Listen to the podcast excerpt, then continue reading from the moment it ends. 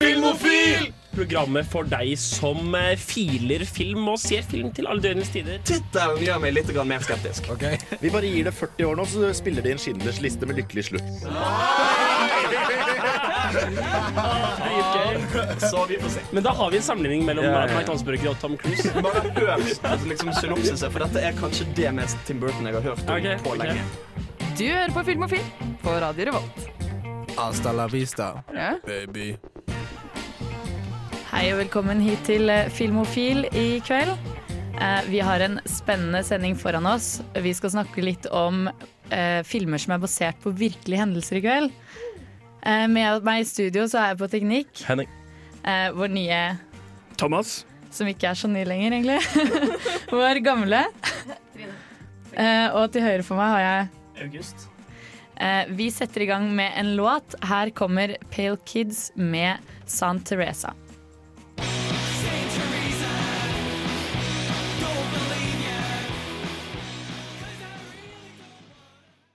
Her på Filmofil skal vi begynne med å snakke litt om hva vi har sett siden sist. August, hva har du sett da? Ja, faktisk. Har jeg noe lyd nå, egentlig? Nei. Nei, kom Du her du. du. ikke det? Vel, Jeg har faktisk sett en god del i det siste. Jeg har, eh, akkurat denne uka har jeg liksom klart å finne tid til å se filmer. Så jeg har til og med vært en tur på kino og sett 'Call Me By Your Name'. Og i forelesning i dag så vi. Titanic. Eh, Men den eh, filmen jeg har lyst til å trekke fram, er kanskje hakket mer obskur. Eller vil si det er veldig mye mer obskur. Jeg har eh, nemlig fått sett 'L'Argent' av godeste Robert Bresson. Selvfølgelig. Ja. dette var en film jeg hadde lånt på biblioteket på skolen og utsatt veldig lenge å se. Så det var godt å liksom endelig få komme til den. For jeg, jeg har et litt sånn eh, rart forhold til Bresson. For jeg hadde ikke sett en eneste film av han, og så hørte jeg plutselig Joachim Trier snakke om sine favorittfilmer, og på toppen av lista hans så sto liksom hele, hele øveren til Robert, Robert Bresson. Og da tenkte jeg ok, jeg må- jo se noe av denne fyren. Um, så så jeg først en som het Morsett, som jeg ikke likte i det hele tatt. Så en som het Pickpocket på Cinemateket i fjor, som jeg heller ikke var så fe- veldig fan av. Men L'Argent, sa det var en ganske bra film. Det handler om en eh, dude som uh, får for helt ærlig arbeid får falske penger, eller forfalskede penger, og ender opp med å måtte gå i fengsel for dette. Og du ser hvor på en måte Ja. Det er sånn derre ondskapens syklus, da. Ondskap som forårsaker mer ondskap. Sånn. Ganske fascinerende. Anbefaler å sjekke ut Bresson for de som ikke har gjort det. Alt som Trier anbefaler, burde jo sjekkes ut uansett. Ja, det er noe med det. Ja. Eh, hva med deg, Henning? Hva har du sett? Jeg har ikke sett så mye filmer, men jeg begynte å, eller, begynte å se. Jeg har fortsatt med Breaking Bad. Nå er jeg helt, helt til slutt av sesong fem, og du er vel litt i samme båt der, er du ikke? er Eller har du sett ferdig? Du har sett ferdig, ok. Jeg tenkte jeg skulle komme tilbake til det senere. Jeg har ikke vært her på to uker. Det er tre uker siden jeg var med sist. Men da har du jo mye å ta av, da, Trine. Ja, jeg har altfor mye å ta av. Jeg kan ta det litt kort. At eh, den, jeg var redd at den skulle ha tapt seg siden sist gang. For når jeg så den første gang, så var jeg helt, helt forelska. Og jeg var egentlig ganske sikker på at den kom til å bli ganske lame. Fordi jeg husker den som en mye tregere serie enn egentlig er. Men når du tar hver episode, så skjer det noe rimelig svært, liksom. Hver eneste episode. Og du føler at de, de store, store tingene som skjer mot slutten, liksom, at det er langt, langt imellom. Men det er egentlig ikke det. Sesong fem er batshit crazy. Ja, Jeg bare er satt der og bare Hva, i all verden er det jeg har sett nå? Ja, ja. Hva i all verden er det her? det er bananer. Grunnen til at jeg har lyst til å se det igjen, er egentlig fordi at det er så mange ting, som detaljer og sånn, som jeg ikke la merke til første gang, som jeg har lest meg opp på sånn i ettertid. Og de er jo veldig, veldig detaljorientert. Da. De er veldig flinke på det der. Mm. Jeg så en eh, episode i går, det var en jeg så sist. Uh, han, Walter sitter på et hotell eh, ved bassenget ved hotellet, og den fontena ser akkurat ut som i laben når de lager meth. Ikke sant? Det er når det renner meth ned Ja. på de her platene. Ikke sant? Akkurat sånn fasong liksom er den eh, fontena i bassenget. Og den der bamsen som alltid går igjen, Ja, og sånne ting. Ja. Mm. Nei, jeg er gira på å se det igjen. Ja, absolutt verdt det. Thomas, da? Jeg har eh, ikke vært så kulturell som det vår, eh, vår August har. Jeg har begynt å gjense de gamle Marvel-filmene. Og du kan kalle de gamle. Så det begynner- skik- skikkelig sånn anti-August. Ja. Jeg, sånn, jeg kan ikke uttale halvparten av de ordene en brukte engang, men eh, jeg har begynt å se kronologisk opp Marvels nå som det begynner å nærme seg Infinity War, for det er jo 17 filmer man må se før man kan se den siste. Okay. Så jeg har begynt på Det er 17 Seriøst? filmer som har kommet ut nå. Så alle de 17 filmene knytter opp til til Infinity Infinity War. War. Og ingen av de er på en måte standalones. Alle bygger opp til enten Avengers eller til Civil War eller da til eh, Og Civil War blir jo bygd opp, så man må nesten se alle for å få det med. Hvor langt tilbake snakker vi? Og jeg snakker eh, 1964 Nei da. Eh, jeg, tenker, jeg tenker The Face som begynte da, det er vel den aller første filmen. Kronologisk blir jo Captain America The First Avengers. Som jeg trodde var en dårligere film da jeg så den, men var faktisk sykt bra! Det er vel egentlig Iron Man som kom først. Ja, men kronologisk, sånn Å, ja, i sånn, ja. time, eh, Ja. time story. Ja, ok, sånn. Ja. Men uh, i årstall, da? I årstall så er vi Mener du de faktiske kom ut? Nei, ja, når de kom ut, liksom. Og det tror jeg sånn eh, det, For Captain America kom relativt sent, så jeg tror den er sånn 2004-tida. Oi, nei, vi, Nei. Det, no, det, vi snakker vel 2008-2009. Ja, noe sånt. Eh, en av de to. I hvert fall da både den første Iron Man-filmen og The Incredible Hulk kom, kom ut. Teller du The Incredible Hulk? Ja, den gjør faktisk det, for jeg sjekka internett, og den gjør det. Det er godt jobba å lage 17 filmer eh, på ti år uansett, da. Det skal sies. Ja. Vi skal videre. Vi skal høre Myra med 'Føle meg selv' før vi får litt flere siden sist.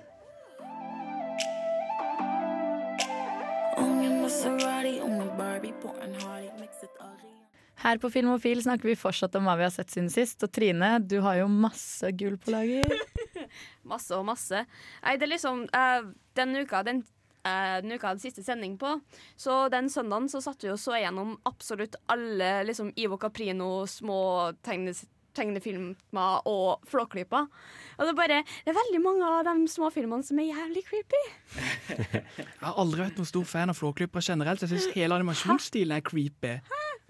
Ja, men det skjønner jeg. Altså. Det er jo animasjonsstilen som gjør hver av de creepy filmene creepy. Hadde det ikke vært for det, så hadde det vært en ganske hyggelig film. Som lillehamring føler jeg meg fornærmet her, faktisk. Eh, de, den bilen den er liksom en av våre, eller en av våre kommuneskatter. Det er ko- Jeg ville sagt nasjonalskatt, faktisk. Ja, Jo, som barn, første gang jeg satt i Il Tempo Gigante, var Det er en dag jeg husker i dag, da. Lillehammer har faktisk en del nasjonalskatter. Ja, De har det, overraskende mange. Av alle kommuner. Bra sted, det, vet du. Jeg har en film til som jeg vil trekke fram. da Ja. Jeg så eh, Jeg var jo i London nå og så Hamilton, men det trenger jeg ikke prate så mye om, fordi det er en, det er en musikk det teaterstykket. Men jeg satt på flyplassen og så Get Out. Ah, OK. Ja. Get out. Jeg så du ikke ga den sånn supermye på Nei, og den filmen er bare sånn det, det, det, Den er grei. Det er den som er nominert til Oscar, den, eh, Ja, den nye stemmer. Ja. Jeg er eh, litt enig, faktisk. Jeg, oi, oi. Dere følger den i hype? Ja, du blant annet hypa den for meg. Jeg, jeg er også litt sånn som ikke ble helt over meg av den filmen. Og jeg, jeg, skjønner, jeg skjønner hypen på den. For eh, Fordi den mørke dør ikke. ja, ja, ja, men, men se for deg ja, men, eh, se, for deg se for deg å på en måte se en sånn film eh, ja, som svart, da, så tror jeg det må være utrolig befriende Ja. å, å se Ja. en film hvor ikke alle de svarte En skrekkfilm hvor ikke alle de svarte må dø.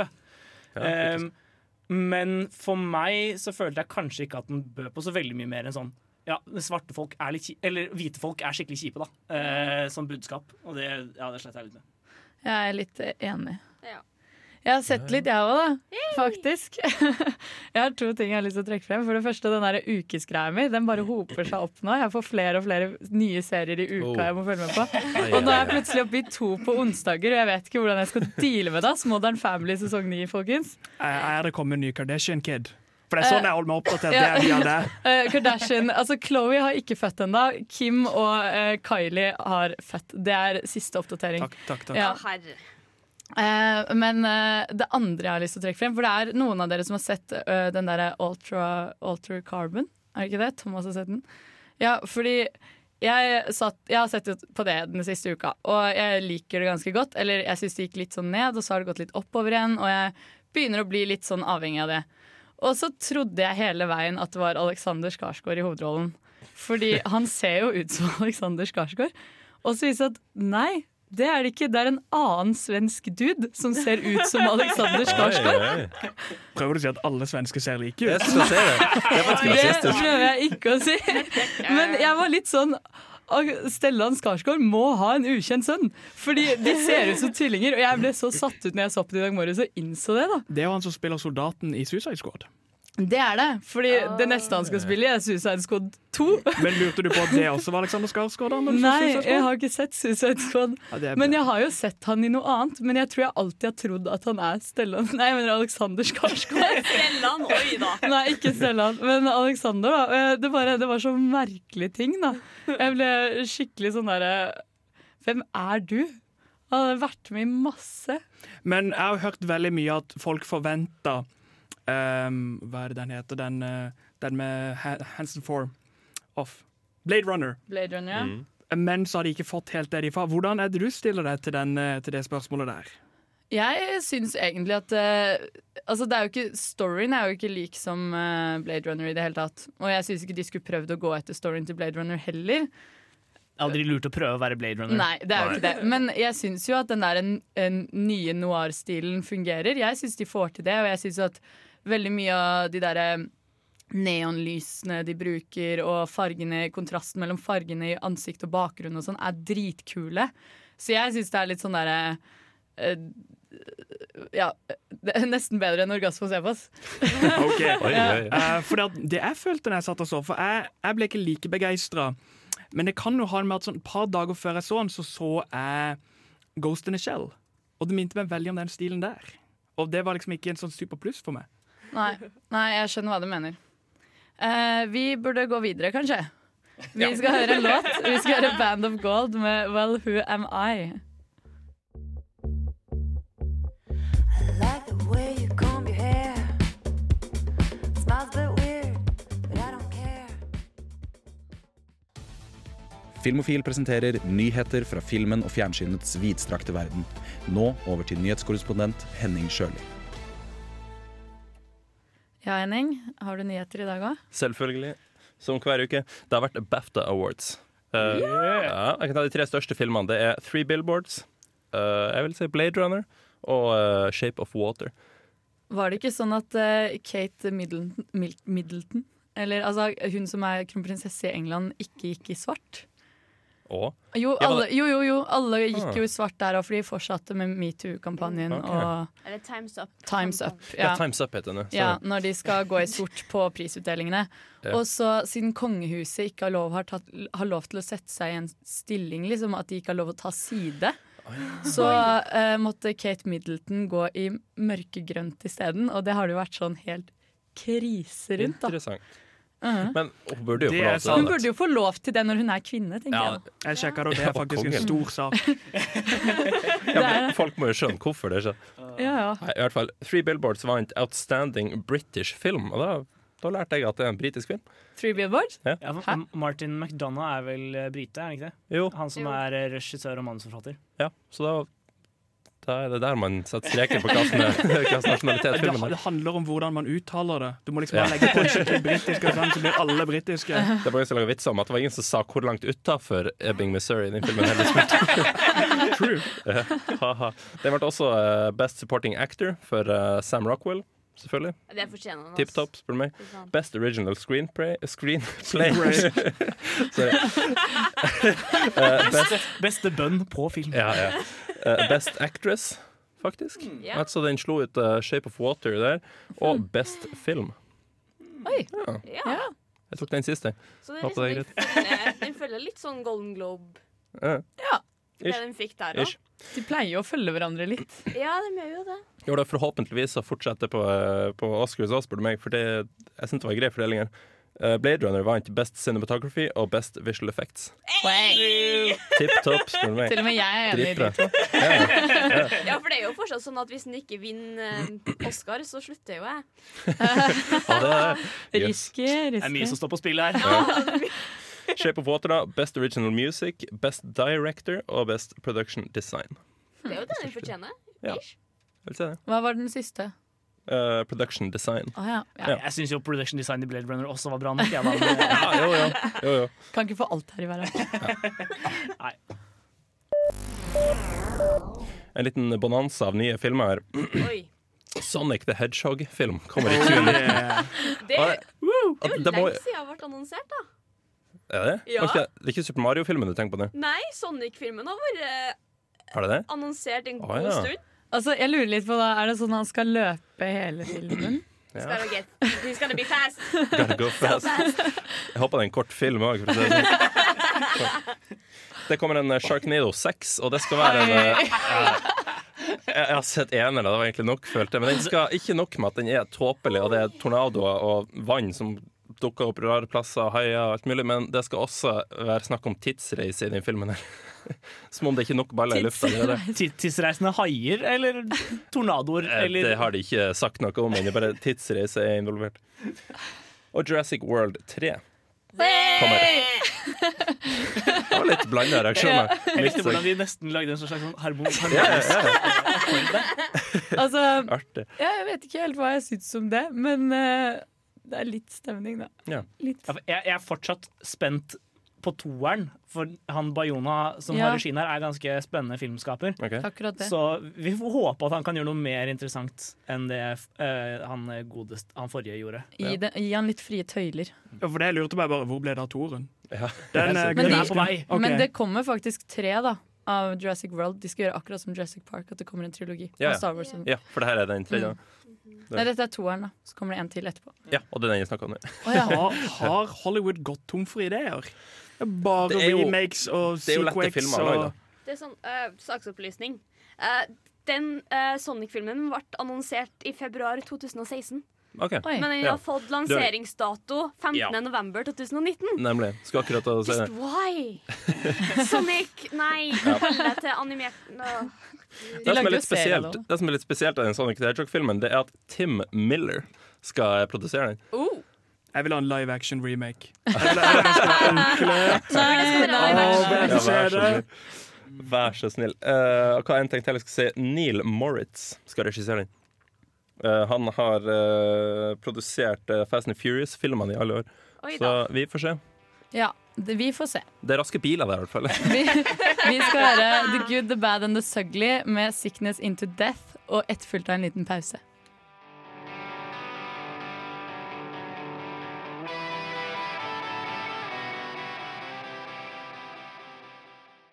Hei, mitt navn er Atle Antonsen. Du lytter til Filmofil på radio Revolt, og det gjør du helt til programmet er ferdig.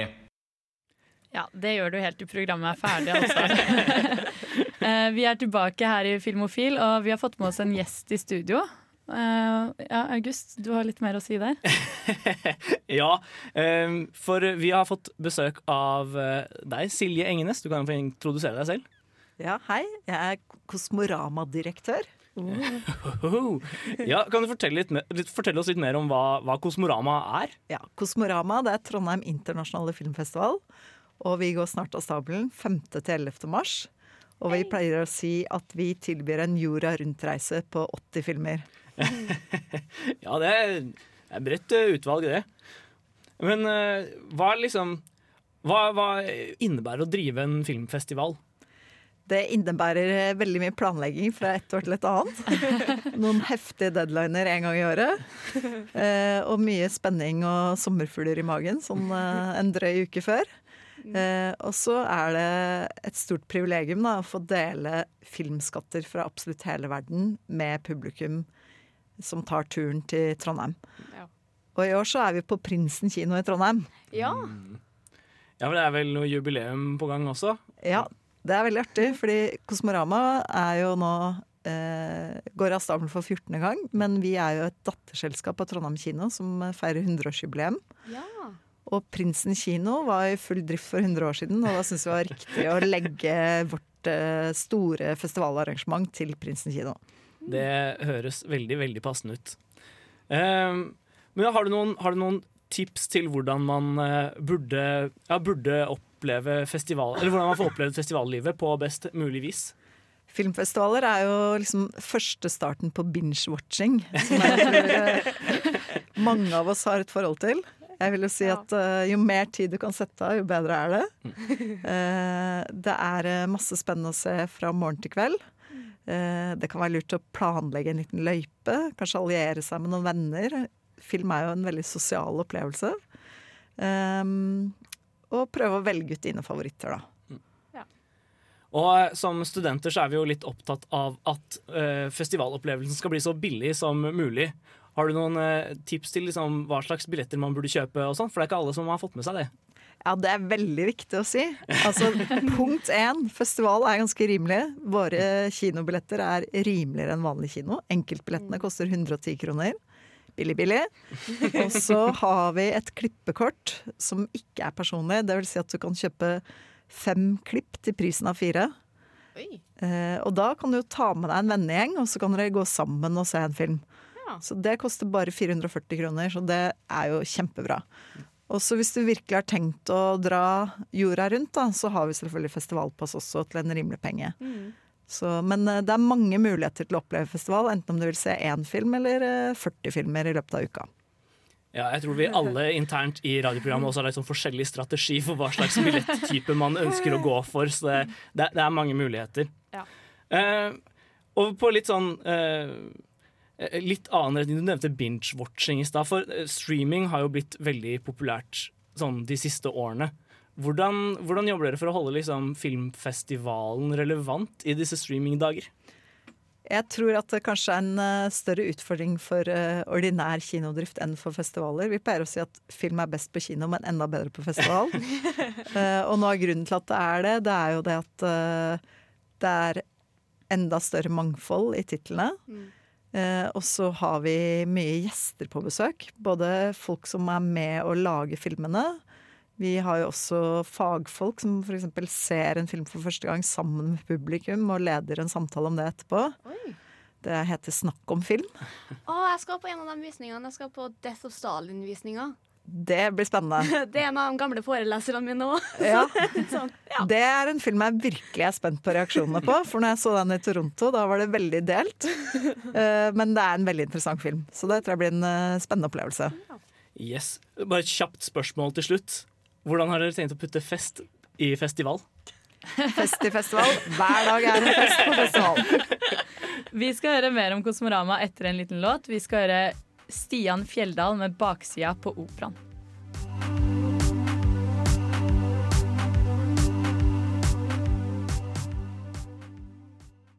Ja, vi er tilbake her med gjest i studio. Ja, øh, vi snakket før, øh, før låta om hva, et, hva en filmfestival er, og hva Kosmorama er. Um, men det viktigste er jo kanskje filmene dere skal vise. Og hva, ja, hvordan går dere fram for å plukke ut de filmene som blir med på Kosmorama? Silje? Det ligger jo mye titting bak, da. Vi, når vi har et program på en uh, ca. 80 filmer, så har vi jo sett en 400-500 før vi koker det ned til de 80 vi har lyst til å ta til Trondheim. Ja. Uh, og det gjør vi både med å reise ganske mye. Med, jeg har vært så heldig å være i Toronto på en av de største filmfestivalene i, i, nå i høst. Og så er jo det noe av det som er stas med å jobbe i festival òg, så vi deler litt på det. Så folk har også vært i London. Vi har hatt eh, noen i San Sebastian i Spania. Så det er jo den litt sånn uh, glamorøse siden av det. Men det er hardt arbeid. da Vi ser masse film. Vi løper fra det ene til det andre.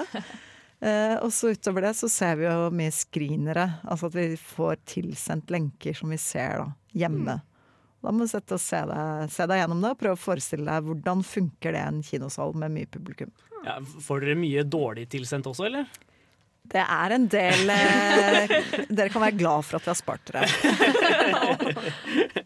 Ja, Men eh, dere prøver jo på en måte å dele disse filmene litt inn i kategorier også. Hvilke, liksom, hvilke programmer er det dere har i år? Vi har et konkurranseprogram hvert år som heter New Directors, og det er fordi vi syns det er spennende å følge med på de nye regissørene. Eh, Det er eh, filmer hvor de har eh, laget maksimum tre til fire filmer. Så det er morgendagens store filmskapere. Ja. Og jeg syns vi har vært ganske gode til å ta pulsen på det de siste årene. Så i det programmet syns jeg er mange spennende filmer. Og så er det en tendens i årets program at det er ganske mange ferske filmskapere med solide filmer. Liksom, den ene til den andre kunne jeg lese sånn 'Denne har vunnet debutprisen der og der'. Eh, Så det var en del som ikke fikk plass i New Directors Award, men som også er eh, andre steder i programmet.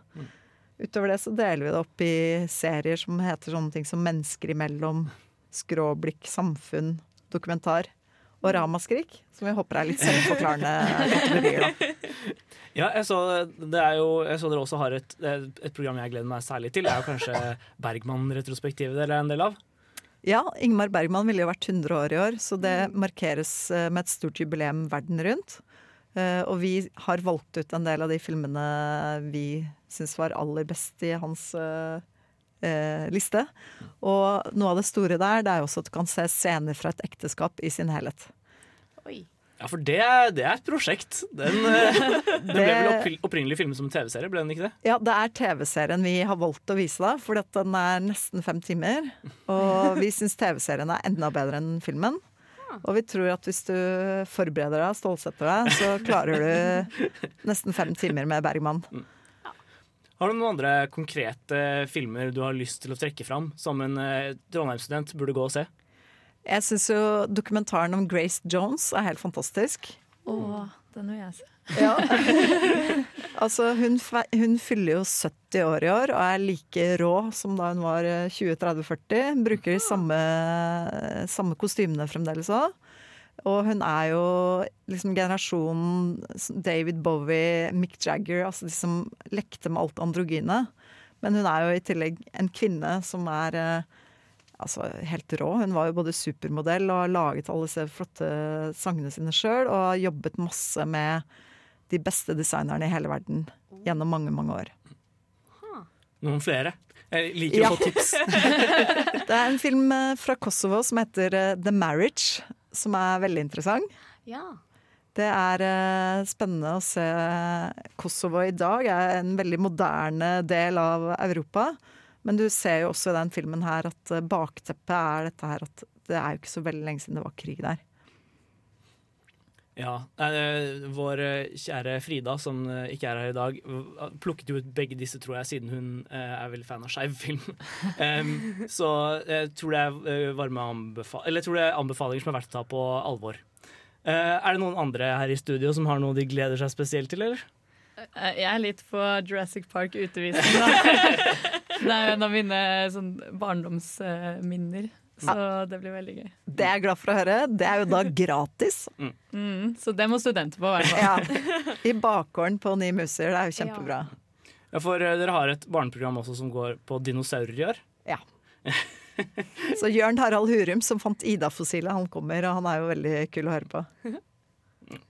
Ja, Vi må nok videre i programmet, men tusen tusen takk for at du kom hit. Eh, vi skal alle på Kosmorama i hvert fall, og gleder oss veldig, veldig. Håper å se deg der òg. Ja, og håper å se akkurat deg der. Eh, på vei ut så skal vi høre Rytmeklubben med No Apologies.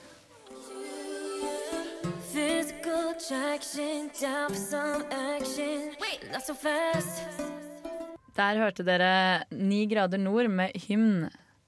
Vi skal over på temadelen av sendinga. Og August, eh, i anledning filmer basert på virkelige hendelser, så har du vært og anmeldt Molly's Game. Ja, det har jeg vært. Og jeg vil bare, Før vi hører på anmeldelsen, vil jeg bare si at liksom Jessica Chastain Hun er kanskje min favorittskuespillerinne av alle. Jeg syns den dama er helt fantastisk, og hun har aldri i min mening aldri gjort en dårlig rolle. Så ha det med i betraktningen når dere hører anmeldelsen. OK, da kjører vi anmeldelse, da. Aaron Sorkin er en av Hollywoods mest kjente manusforfattere. Hans karakteristiske dialogstil har fått skinne gjennom i filmer som The Social Network, Moneyball og A Few Good Men. Men aller mest kjent er han nok for TV-serien West Wing. Nå har han også debutert som regissør på en film han selv har skrevet. Filmen er allerede nominert til Oscar for beste manus, så det aspektet ved filmen er åpenbart godt. Men er han like dyktig bak kamera som han er med det skrevne ord? Svaret finner vi i Molly's Game. This is a true story, but except for my own, I've changed all the names. And Molly, my weekly poker game is moving to the Cobra Lounge. You'll help run it. I was in a room with movie stars, directors, and business titans. They were going all in, all the time. Filmen tar for seg historien om Molly Bloom. En kvinne som lå an til å nå verdenstoppen i kulekjøring, men som ble skadet i starten av 20-årene og av mangel på noe bedre å gjøre, endte opp med å sette opp pokerspill for rikinger. Vi følger henne flere år senere mens hun må forsvare seg i retten etter anklager om å ha vært involvert i den russiske mafiaen.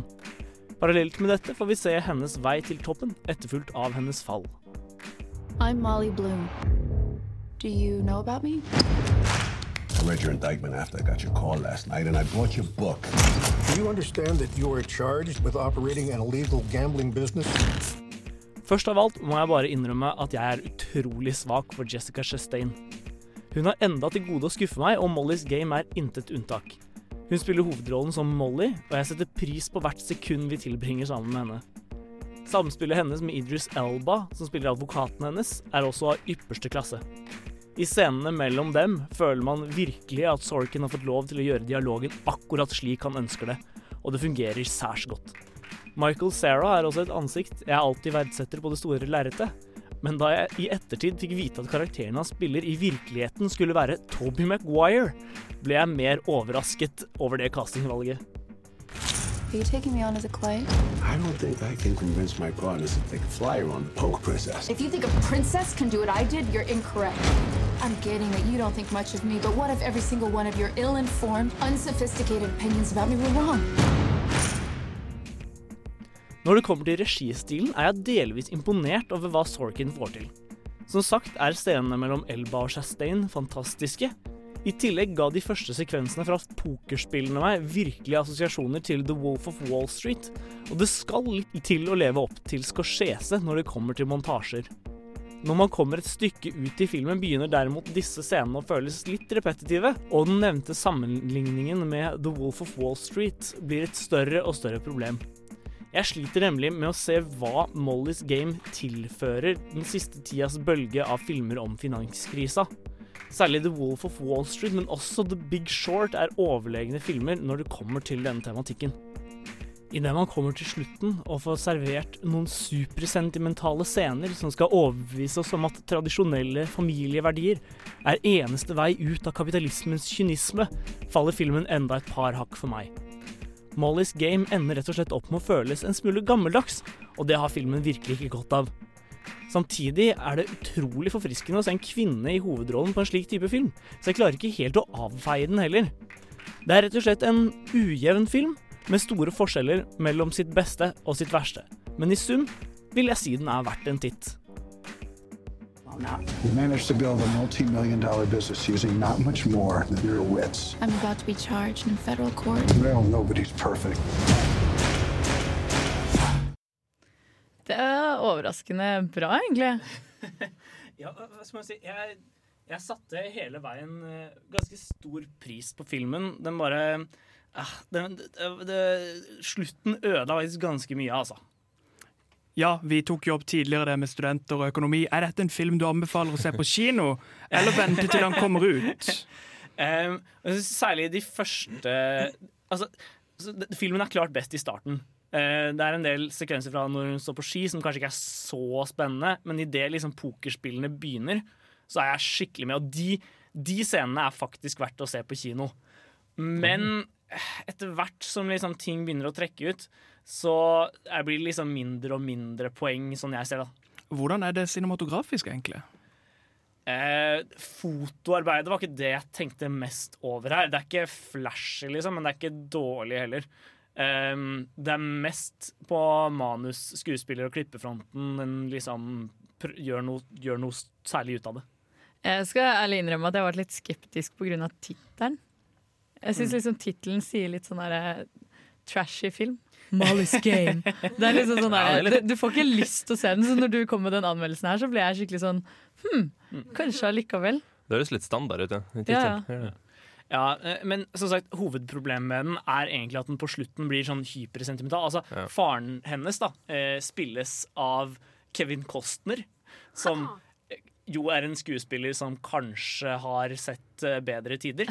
Eh, men i hvert fall, eh, det kommer sånn der tårevåt scene mellom de mot slutten, hvor han sitter og liksom skal overbevise henne om at liksom han elsker henne på tross av at han var en dårlig far. og sånn. jeg bare, altså den, den prøver på en måte å være The New Cinema of Excess med liksom The Wolf of Wall Street, disse hyperkyniske filmene. Eh, men, så på en måte, men så er alle karakterene så snille Eller alle hovedpersonene er så snille og gjennomgode mennesker at man liksom ikke At den, den, den ender ikke opp med å være kynisk. Um, og da faller den da, Den føles veldig som sånn Wall Street, den fra 87, liksom. Ja, jeg, hvis denne filmen hadde kommet på tidlig 90-tall, så hadde den sikkert vært fet, men den er liksom ikke ja, ikke, Det er ikke så interessant lenger. Men altså, ja, for det du sier er jo egentlig at det sentimentale ikke passer i Ja. den tematikken. Og det er jo litt sånn, hvis man hadde sett Wolf of Wall Street og eh, Leonardo DiCaprio plutselig var skikkelig skikkelig sentimental fyr Hvis det, hadde, hadde- hvis det hadde blitt sånn emosjonell scene med han og kona på Hvor han egentlig hvor de liksom elsker henne. så- Ja. ja, ja. Så hadde Det- det var ikke den filmen vært noe bra, den heller. Det var litt sånn det føltes, da. For den slutta vel med et eller annet sånn Og jeg slapp unna med det, eller at et eller annet sånn at det gikk jo veldig bra med meg, selv om jeg var jævlig, liksom. Hvis den har slutta med liksom Å, unnskyld, unnskyld, det hadde jo vært veldig sånn krasj. Det ødelegger jo hele karakteren du har Ja, opp. Hvor stor del spiller uh, Idris Elba inn i denne filmen? Altså, uh, Måten filmen er strukturert på, da, er at man har på en måte et nåtidsplan som er rettssaken hennes. Uh, og så har man flashbacks da, til alt som skjer i forkant. Og altså, De scenene med Idris Elba da, som på en måte forbereder rettssaken, det er på en måte de som setter rammene rundt hele filmen. Og dialogene mellom de to er utrolig gode, for der har Sorkin liksom virkelig fått lekt seg, og det er, ja, det er herlig å se. Men uh, han har ikke, altså, det, er, det er liksom Det er Jessica Chastain sin film.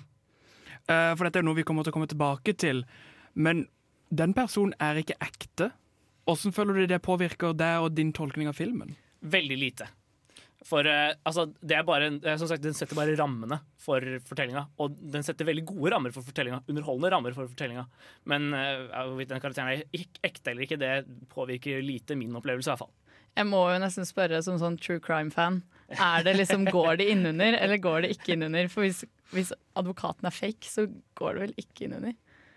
Uh, jeg er jo ikke like stor true crime-entusiast som deg, så jeg vet ikke helt uh, hvordan jeg skal forholde meg til den som true crime. Den er nok mer Tenk mer Wolf of Wall Street enn okay. uh, OJ Made in America. OK. Da skal jeg gjøre det, tenker jeg. Vi skal høre 'Death by Unga Bunga' med 'Soldier'.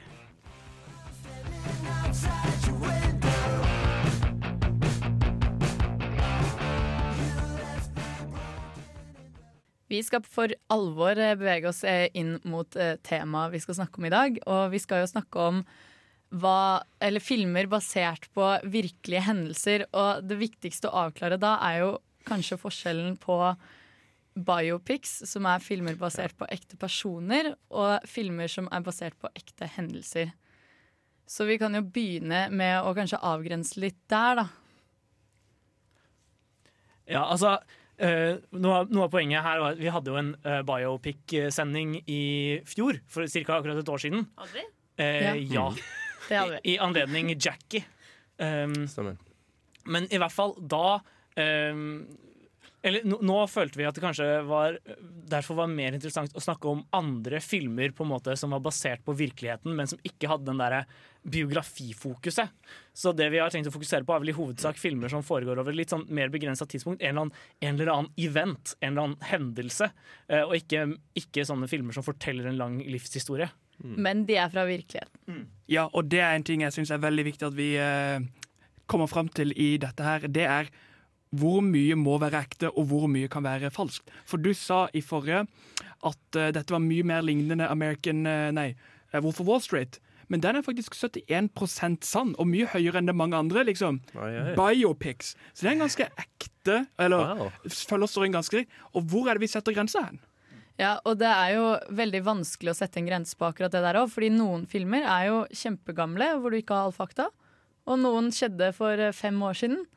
Og da må du jo, der har du jo mye mer informasjon å ta av, da, så det varierer veldig fra film til film hvor mye av det som er sant. Det med dvergene, var det ekte? Men de gjorde ganske mye sykt. Bilen var den ekte? jeg, vet faktisk det med dvergene. Det, var, det skjedde aldri, men Ah. de diskuterte det. Shit. Eh, Det var, det var opp til diskusjon. eh, som en vits en gang, tror jeg. En vits. En slem vits. Ja. Og der kommer igjen spørsmålet. Hvor er du har lov å ta creative license? Er det for å lage storyen bedre, men hva skjer hvis du da skriver om det viktige i storyen? For det har jo skjedd i filmer som f.eks. American Sniper, der de har skrevet om ganske viktige storyelementer til noe som bare ikke er sant. Jeg tror også at Eller man kan jo tydelig se en forskjell på mange filmer som har vært veldig flinke med researchen, og filmer som ikke har det.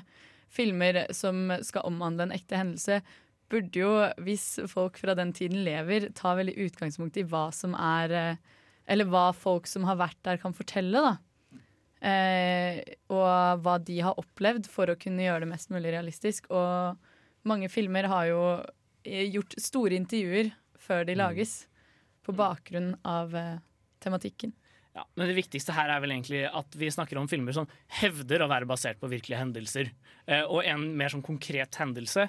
Ikke hendelser som er strukket over kjempestort eh, rom i tid. Jeg føler f.eks. at Molly's Game kanskje ikke egentlig passer inn i det vi skal snakke om i dag. Fordi Selv om hovedfokuset er på rettssaken, så er liksom, det, er en, det er en slags biopic på mange måter. Ja, og biopics går jo innunder temaet i dag, men, Ja. men vi vil ikke fokusere på det. Og, og i hvert fall ikke de som er sånn klassisk biopic. Jeg vil si, altså, Det er en film vi skal snakke senere om sendinga, så vi skal ikke snakke oss i hjel om den ennå. Men den er United 93. Den føler jeg er et veldig godt eksempel. Fordi det, det har nettopp det med en hendelse å gjøre. ikke sant? Det, er vel, det er vel ingen ekte personer i fokus i denne som blir fortalt. Altså ikke i det hele tatt en biopic.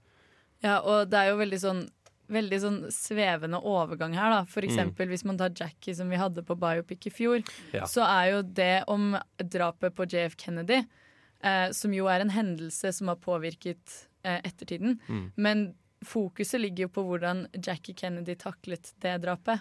Og da blir det på en måte en biopic, selv om det handler om en hendelse, da. Kunne jeg vært så frekk og spurt om noen har en god forslag til en- hva denne type film er? Det var jo United 93, for eksempel. Har vi noen andre? Ja.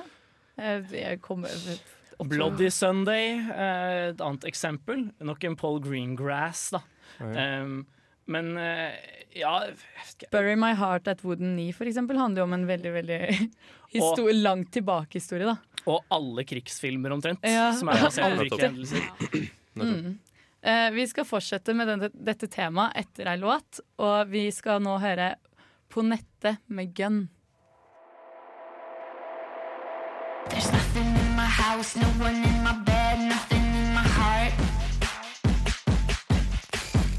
På nett med Gunn der, altså. Vi skal fortsette der vi slapp før sangen, låten.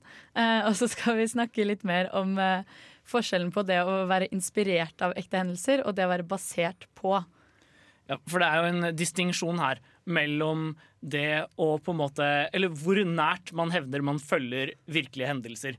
Du har de som er basert på. Ta eksempel eh, Selma, da, som nesten følger eh, den virkelige fortellingen til punkt og prikke.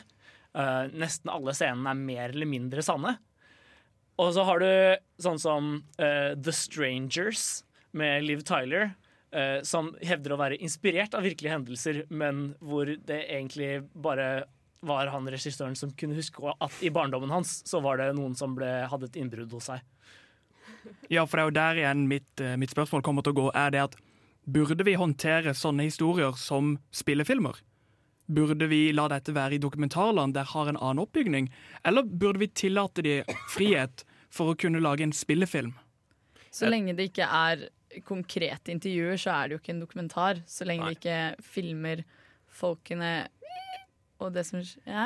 Film, Filmviterne er uenige, men, Oi, oi, oi, oi.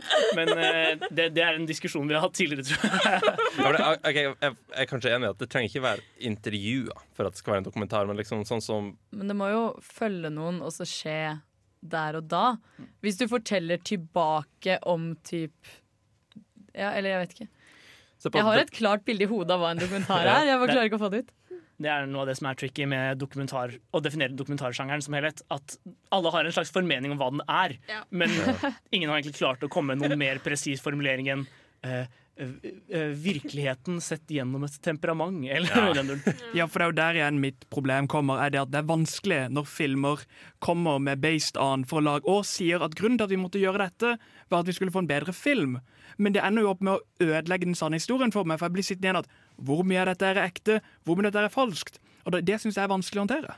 På, som filmskaper så går det veldig på det der at du Altså, i en spillefilm så planlegger du jo alltid punkt og prikke, og du har skuespillere inn som utfører det du har skrevet, mens eh, på en dokumentar så er det heller det at du følger folk, da. Så Lindmo da, er etter din definisjon Lindmo er eh, ikke dokumentar, det er jo et talkshow.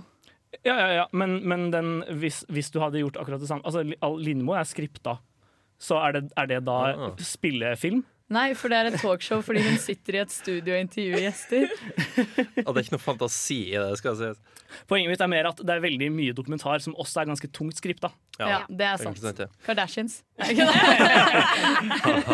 Jeg tror det, det, er- det er jo mye salgstriks. Se på altså, The Last Samurai, liksom. Det står vel også 'based on true events', eller sånn, men det er en grov overdrivelse. Det er jo fordi folk som er sånn, sånn samurai-nerds og sånn her, ikke sant. Ah, en ekte samurai-film, kul. Tom Cruise, kult.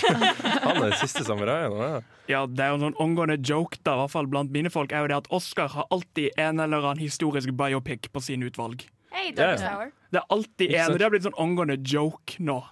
At de alltid har det. En meme, så det kalles. Blant, uh, Å, nei. Men med, med biopicsene så er det ofte lett å følge, følge Oscar eh, Oscar eh, liksom formelen også, da. Oppskriften. Du har jo en norsk film som kommer nå om Utøya, da.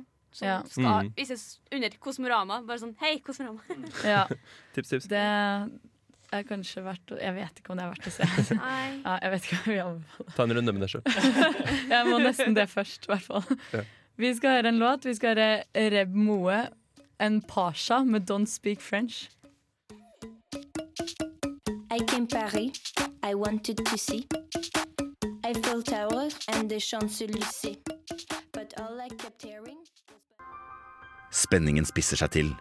Nå som vinteren nærmer seg, hvem har egentlig drept Laura Palmer? Hvem er den mystiske doktoren? Kommer William til å svare? Hva vil skje? Ukas TV-serie. På slutten der så hørte vi Insomniac Bears opp med Purple Past. Nå skal vi videre til ukas TV-serie, og denne uka så har vi noe som i hvert fall står mitt hjerte veldig nært. Vi skal snakke om true crime. Eh, og i den anledning så er det jo ingen andre å ta enn American Crime Story. Mm. Uh, og vi kan jo si litt om hva det handler om først. Eh, det, sesong to har akkurat begynt å gå i USA. Sesong én handler om eh, eh, rettssaken rundt OJ Simpson, som jo er veldig, veldig historisk omtalt. da. Mm. En veldig sånn En kjent rettssak. Det er Kjent vel- rettssak, Det er vel en av de mest kjente. Du vet kanskje hva som skjer, men det er veldig interessant å se for det. Og der, eh, du har, Ross blant annet spiller jo der. Og The Birth of Kim Kardashian, som vi vet. Ja, det også. Det er kanskje derfor det står så nervert. Nei, jeg tulla. Hvem er mest kjent av Nürnberg og OJ? Jeg lurer på om OJ er mer kjent i dag enn Nürnberg. Det var de mest absurde spørsmålene jeg har hørt noen gang. Men, men OJ har liksom ikke sluttet å overraske etter den rettssaken heller. da. Det kommer liksom sak om han sånn annethvert år. Du bare Kan du være så snill å gi deg nå? Mm. Han, ble, han fikk forlenga straff sitt, eller han fikk husarrest eller noe sånt fordi han stjal kjeks. det, det er ikke helt som satt inne. Ja, Dynberg er- er kanskje ikke like aktuelt lenger Nei, det ikke som det det. OJ er. Nei. Ja, Han ble jo arrestert for fyllekjøring for noen år siden også. Mm. Ja, skikkelig dust. Og sesong to av American Crime Story Den tar for seg en ny stor sak. Eh, og Der har de gått litt mer i morderens fotspor, da, og det handler om mannen som drepte Versace. Versace er en veldig kjent motedesigner, for dere som ikke er så into moteverdenen. Mm. eh, som ble drept i 1998, tror jeg. Eh, og søsteren hans er fortsatt veldig, veldig Hun driver selskapet i dag, er fortsatt veldig inn i motverdenen. da. Mm. Så den uh, går mer moteretningen, da, mens OJ er mer sportsverden. Men hvordan er de lagt opp? Det må jo være helt annen modell på en måte før sesongen? Ja, det er det som gjør det ekstra spennende, nesten. da. Mm. Du har liksom et nytt tema hver eneste gang, men en hel sesong handler om ett tema. Ja. Og i første sesongen fokuserer de jo veldig på rettssaken etter at drapene har skjedd. For med OJ så er det jo kanskje det som er det store, da. Ja. Mens når det kommer til Versace, så fokuserer de i mye større grad på hvordan morderen endte der han endte, da, på en måte. Hva som fikk han til å drepe Versace. Ja. For det at Versace døde, var jo på en måte en stor overraskelse. Det var ikke noe som bygde opp til det, annet enn at morderen har vært på en killing spree over hele USA og drept høyprofilerte menn fordi han jobber som, eh, som eskorte. Ja. Eh, Ja, så han liksom tar for seg eh, høye, rike kunder, da. Mm. Og har liksom lagd et helt sånn faked liv om seg selv, og de prøver liksom å bryte ned hva det som var ekte, og hva som ikke var ekte. Han drev jo og påsto at han bodde i Mexico og bygde sett for Titanic-filmen og sånn. Og det var jo bare bullshit, hele dritten. Så er spørsmålet mitt som American Horror Story. Er det samme cast som har blitt recasta? Nei, heldigvis ikke. Og de, denne serien har store stjerner, altså det er viktig å ta med. Fordi I sesong én så finner vi jo Ross fra Friends for eksempel, som Robert Kardashian. Eller David Trimmer, Schwimmer, som han heter. Ja, David Schwimmer. Og så har du hun eh, Sarah Paulson eh, Mm. som advokat. Og i den nye sesongen så er annet Penelope Cruz med. Så, og han ene fra Glee. Darren Chris, Darren ja, Chris Darren Han er så søt! Og, søt. selv om han er en morder. ja. Spoilers. Sorry. Ja, Få vite det første ti sekunder. Sånn kan det gå. Vi skal høre What Father Weathers med Not For Me.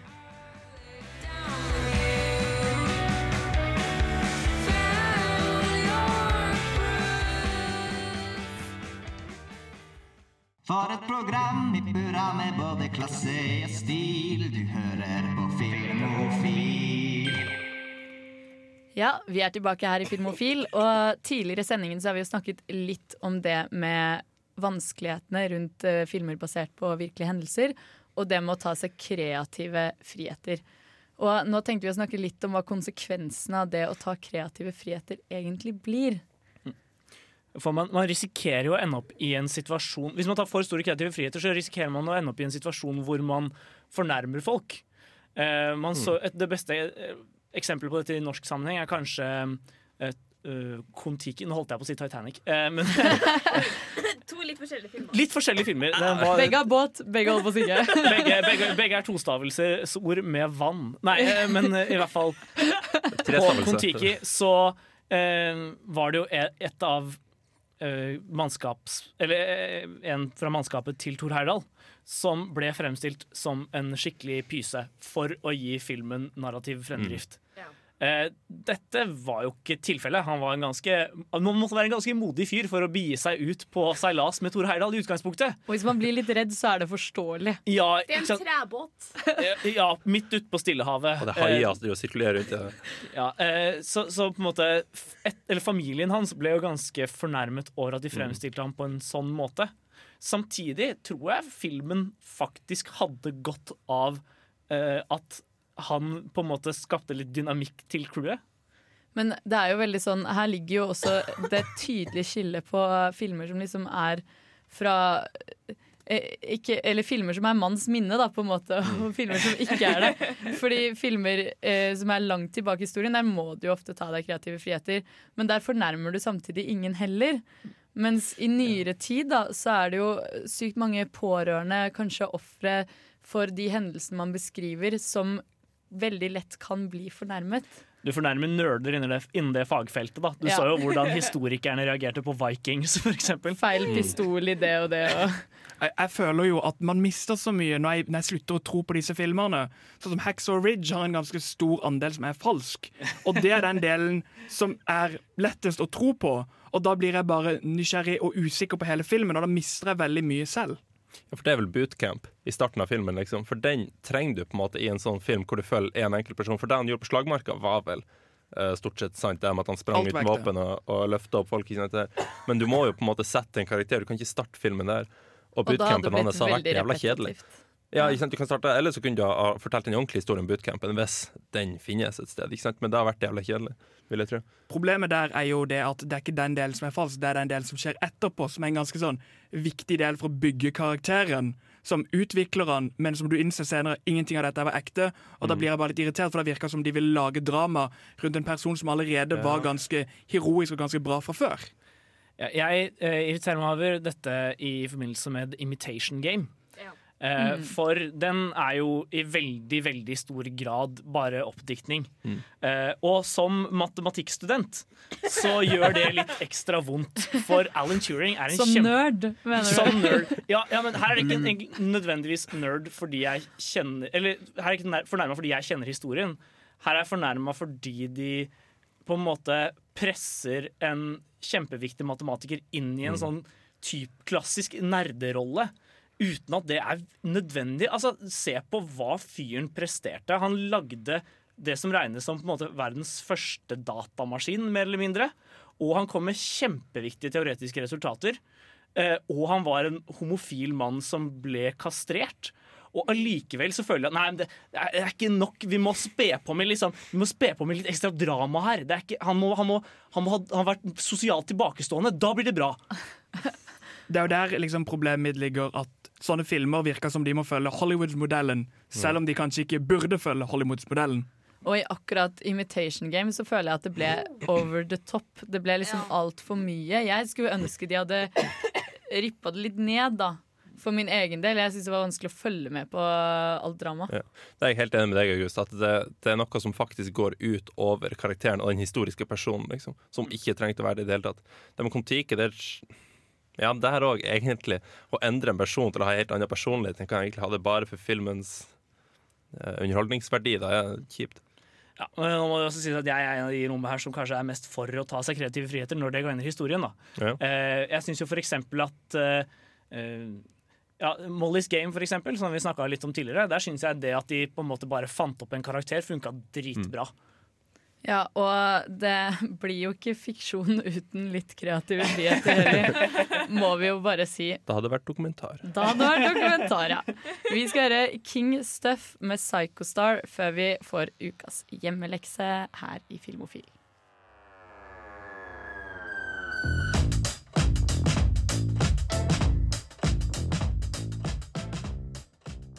Vi skal over på ukas hjemmelekse, og det er jo en film vi har vært så vidt borti tidligere i sendingen. Og et kroneksempel på filmer basert på virkelige hendelser. Eh, vi skal nemlig ta for oss eh, United 93. Ja, og dette er, en, dette er en film som er ganske viktig for meg. Jeg har blitt Eller jeg, jeg så de første liksom, Paul Greengrass-filmene eh, for en del år tilbake, og var Jeg lot meg virkelig rive med. Mm. Eh, for vi kan jo si litt om hva, hva filmen handler om. Dette var en veldig kontroversiell film da den kom, på mange måter. Eller det var en veldig, det var en veldig kontroversiell film før den kom. Mm. Fordi den tar for seg det fjerde flyet uh, fra uh, 11. september som krasjet i uh, en åker i. Pensil- Pennsylvania. Og den kom bare fem år etter at uh, The Twin Towers raste. Så det var en veldig, veldig fersk og ikke fullt bearbeidet et, et, et veldig ferskt, ikke fullt bearbeidet traume i amerikansk Mm. historie, rett og slett. Egentlig for verden Ja. også. Ja. men særlig i USA. Ikke Ja, sant? selvfølgelig. Eh, altså det, det er det nærmeste man kommer en krigshandling på amerikansk jord siden Pearl Harbor eller borgerkrigen før det. Ja, ikke sant? faktisk. Ja. Så Men i hvert fall, da den, idet den kom, så var alle sånn var, Alle var lettet pust ut. For den er så utrolig verdig i Mm. sin fremstilling av disse menneskene. Eh, og noe av det den gjør i forhold til det med karakterene, da, for å, også for å holde det respektfullt og for ikke dra frem noen som på en måte de gir eller gjør urett med, da, er jo at det er ikke noen spesifikk hovedkarakter. De følger på en måte hele handlingsforløpet i mye større grad enn enkeltpersoner. Da. Du ser jo hele tiden ulike eh, eh, folk om bord. Det var jo over 100 folk på flyet.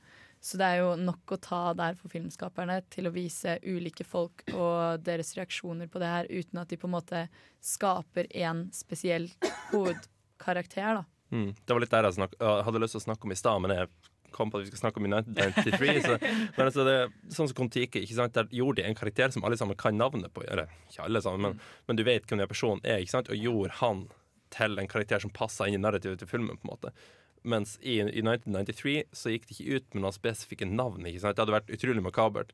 Det skulle, det skulle vært uh, som Utøya-filmen, liksom, at du spiller en ekte person som var og blir skutt. liksom, ikke sant? Det har vært veldig det har vært motbydelig. da, ikke sant?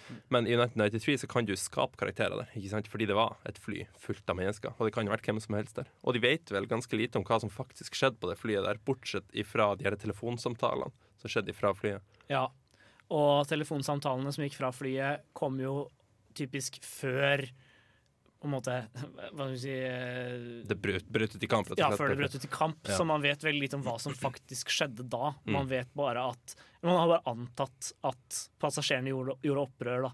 Mm. Og, og klarte å få flyet styrtet. Yeah.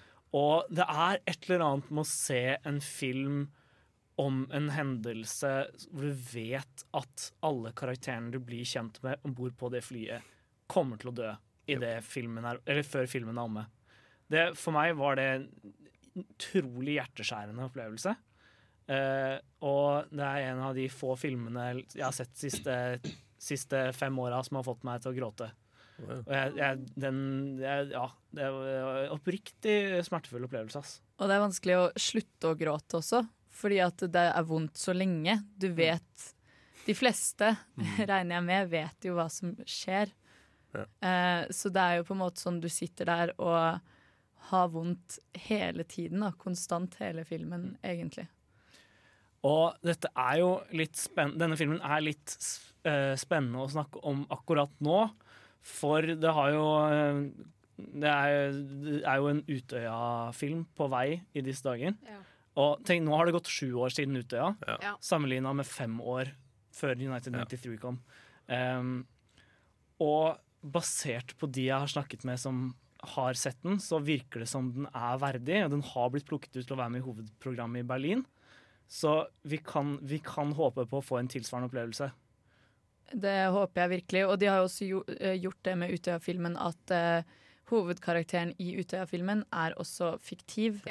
Slik at uh, man får litt samme greia som i 1993, at du får opplevelsen i mye større grad enn at de prøver å koble det til enkeltpersoner, da, som jo Mm. i Utøya-sammenheng og i United 93 ville vært utrolig urettferdig mot de som var der. Og så er jeg også veldig, veldig redd for hvordan Netflix sin Utøya-serie kommer til å se ut. Ja, det... Der, er, der kjenner jeg at jeg er oppriktig, oppriktig nervøs for hva de kommer til å gjøre. Det er jo ikke norsk. Nei. Nei, og slike temaer er jo alltid utrolig vonde å ta opp, i hvert fall etter så kort tid. Eh, vi skal høre Kali Ush Ushis med 'After the Storm', og så skal vi ha et litt koseligere tema etterpå. Goes around you. So you gotta be careful, baby, and look Vi skal over på en litt mer eh, feel good-film her i studio. Litt. Veldig mye mer. Det skal jo kanskje ikke så mye til å gå opp fra forrige stikk med feel gooden. Eh, vi skal nemlig snakke om Almost Famous i anledning av ukas eh, filmlåt. Og dette er jo en film fra er det 2000? 2000. Ja. Mm. Uh, som omhandler en fyr uh, som blir skribent for Rolling Stone Magazine Ja. i, som 19-åring eller noe. Så får han Han er ganske ung. Han er 16, tror jeg. 16, så ung. Jeg lurer på noe. Ja, for han er, han er under eh, Han har ikke lov å drikke, i hvert fall. Nei, han er ikke lov til Han, Nei, eh, vent litt, han er 13. 13! Oi, sjukt. Men han blir i hvert fall satt Nei, satt han er til faktisk 11. OK, nå skal jeg slutte. Han blir satt til å fem. reise rundt Han blir satt til å reise rundt med et sånt upcoming band da eh, På deres turné og skrive om deres turné. Og noen ting i filmen Dette er basert på en sann person Som dro ut da han var rundt 16 Eller veldig ung i hvert fall eh, Og skrev eh, om en tour. Men bandet er fiktivt da. Ja. Handler det ikke om selve regissøren sine opplevelser? Eh, Jo, jeg tror det. Eller manusforfatteren, en av delene. Er manusforfatteren og Regissøren. Det er samme film. Det er samme fyr. Ja, men da har vi begge rett. Eh, filmen eh, omhandler i hvert fall eh, dette, og det som er grunnen til at vi drar frem den her litt, er jo det at denne beskriver ikke nødvendigvis en konkret hendelse, men heller et tiår, da. Ja. Som da blir 70-tallet, og hvordan denne unge fyren opplever det i en alder av 16 år. Alt liksom rock and roll og Rufus. drugs og ja, Rufus og Eh, og alle, ikke minst alle de som følger etter bandet, som er sånn groupies. Ja, groupies, det var det jeg sa. ja. Jeg trodde du sa roofies. Groupies og roofies. Ja, okay. Samme ulla her. Hånd i hånd, det, tror jeg. Ja. Eh, og det er jo en ganske interessant tid å se på også for oss. Mm. Eh, og det er jo fortsatt en tid som folk har levd i, så vi har jo kanskje et litt sånn ekstra forhold til liksom, å, hippietida og kult og 70-tallet? fett. Hæ? Ikke 60-tallet hippietida? Over på tidlig 70-tall også, altså. Ja, det vil. Det vil jeg absolutt si.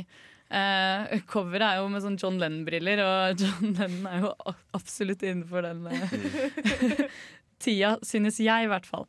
Uh, men ja, det er i hvert fall det filmen handler om, da. Og den tida vi skal snakke om nå. Eller det at filmer kan baseres også på tidsepoker, Ja. blir det vel. Og ikke bare spesifikke hendelser her og der. Liksom. Ja. Men det er jo også en film som tar seg ganske store friheter når det kommer til hva som er ekte og hva som er fiksjon. da. Eh, den gjør jo det, men selve det at det er basert på en ung gutt som reiser rundt og på en måte opplever verden, da. og det å bli voksen på den tida, Ja. det er jo sant.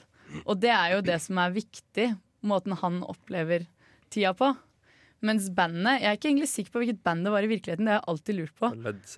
Var det Led Zeppelin? Jeg har hørt at det er Led Zeppelin. Vil dere si at uh, filmen handler mer om å fange en følelse slash en setting enn en spesifikk hendelse? Altså, Filmen er jo på mange måter en oppvekstfilm, da. Ja. Så det handler jo på en måte om hans møte med voksenlivet. Men for meg så var det mest beskrivelsen av tidsalderen som slo skikkelig inn, da. Eh, For det er jo på en måte det hele den opposisjonen mot foreldre, det å dra ut Ditche liksom ja, Jeg gidder ikke å studere noe i sommer. Jeg skal på turné med Led Zeppelin eller hvem det var. Og bare leve livet sitt og på en måte ha det gøy, da. Ja. Uh, og vi er kanskje dratt mer tilbake på jorda i dag, men for meg så var det veldig fint på en måte hele den beskrivelsen av 70-åra. da. Plutselig ser man at man er kanskje ikke så ute å kjøre som man føler seg av og til. Nei, jeg tror kanskje vi har det good. Det er Ja, kanskje ikke så mange band å stikke av med i Norge heller, da. Hvem skulle det vært liksom nummer fire? Sånn, Honningbarna! Honningbarna! Sivert Høyem, takk. Jonas Walker, Alaska, liksom. Julie Bergan. Det er mye norsk. Jeg kunne lett blitt groupien til nummer fire, ass. Ja, jo, kanskje. Men det blir ikke det samme, da, for groupiene der er jo sånn helt obsessed med bandet. De vil jo liksom, det de vil er jo egentlig Det er litt sånn boyband-greia, da. At jenter liksom faller pladask for de gutta som hva faen. Spørsmål. Groupie, er ikke det sånn ei dame som henger med bandet og liksom ligger med bandmedlemmer? Jo, jo, det er jo det de gjør. Eller mann. Kan ikke menn være Jo, jo, jo, jo, jo, absolutt. Ja, og de har sikkert ikke- tatt noen roofies også. Ja, sikkert. Helt sikkert. Ja, skal, vi, skal vi kanskje høre låta? Det kan vi gjøre. Ja, Det er veldig bra soundtrack på denne filmen. Det er mye god, gammel musikk. Men vi har valgt ut Elton John med 'Tiny Dancer'.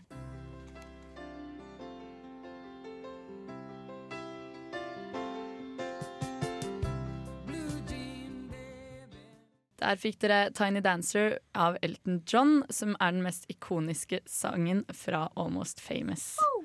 Eh, vi skal dessverre takke for oss her i studio i dag. Men hvis dere tuna inn litt seint og ikke fikk dere med dere eh, intervjuet med Kosmorama, så må dere gå inn på nettet og høre sendingen. Eh, I tillegg, neste uke så skal vi jo ha Oscar warm-up. Og i den anledning så vil vi jo bare anbefale alle å se mest mulig Oscar-filmer. Send oss gjerne en melding på Facebook eller Instagram med hvor mange du har sett, så skal eh, personen som vinner få heder og ære neste uke. Shout-out live på Filmofil. Sendingene ligger også på Spotify som podcast. Det gjør de. Med meg i studio har jeg hatt på teknikk. Henning. Eh, I hjørnet her borte. Thomas. Vår gode gamle. Og Enda eldre Nei, jeg er ikke like jeg, ah, shit. August. ja. Eh, jeg heter Sunniva Langhoff. På vei ut så skal vi høre Frank Ocean med Moon River. I'm crossing you in style. Someday.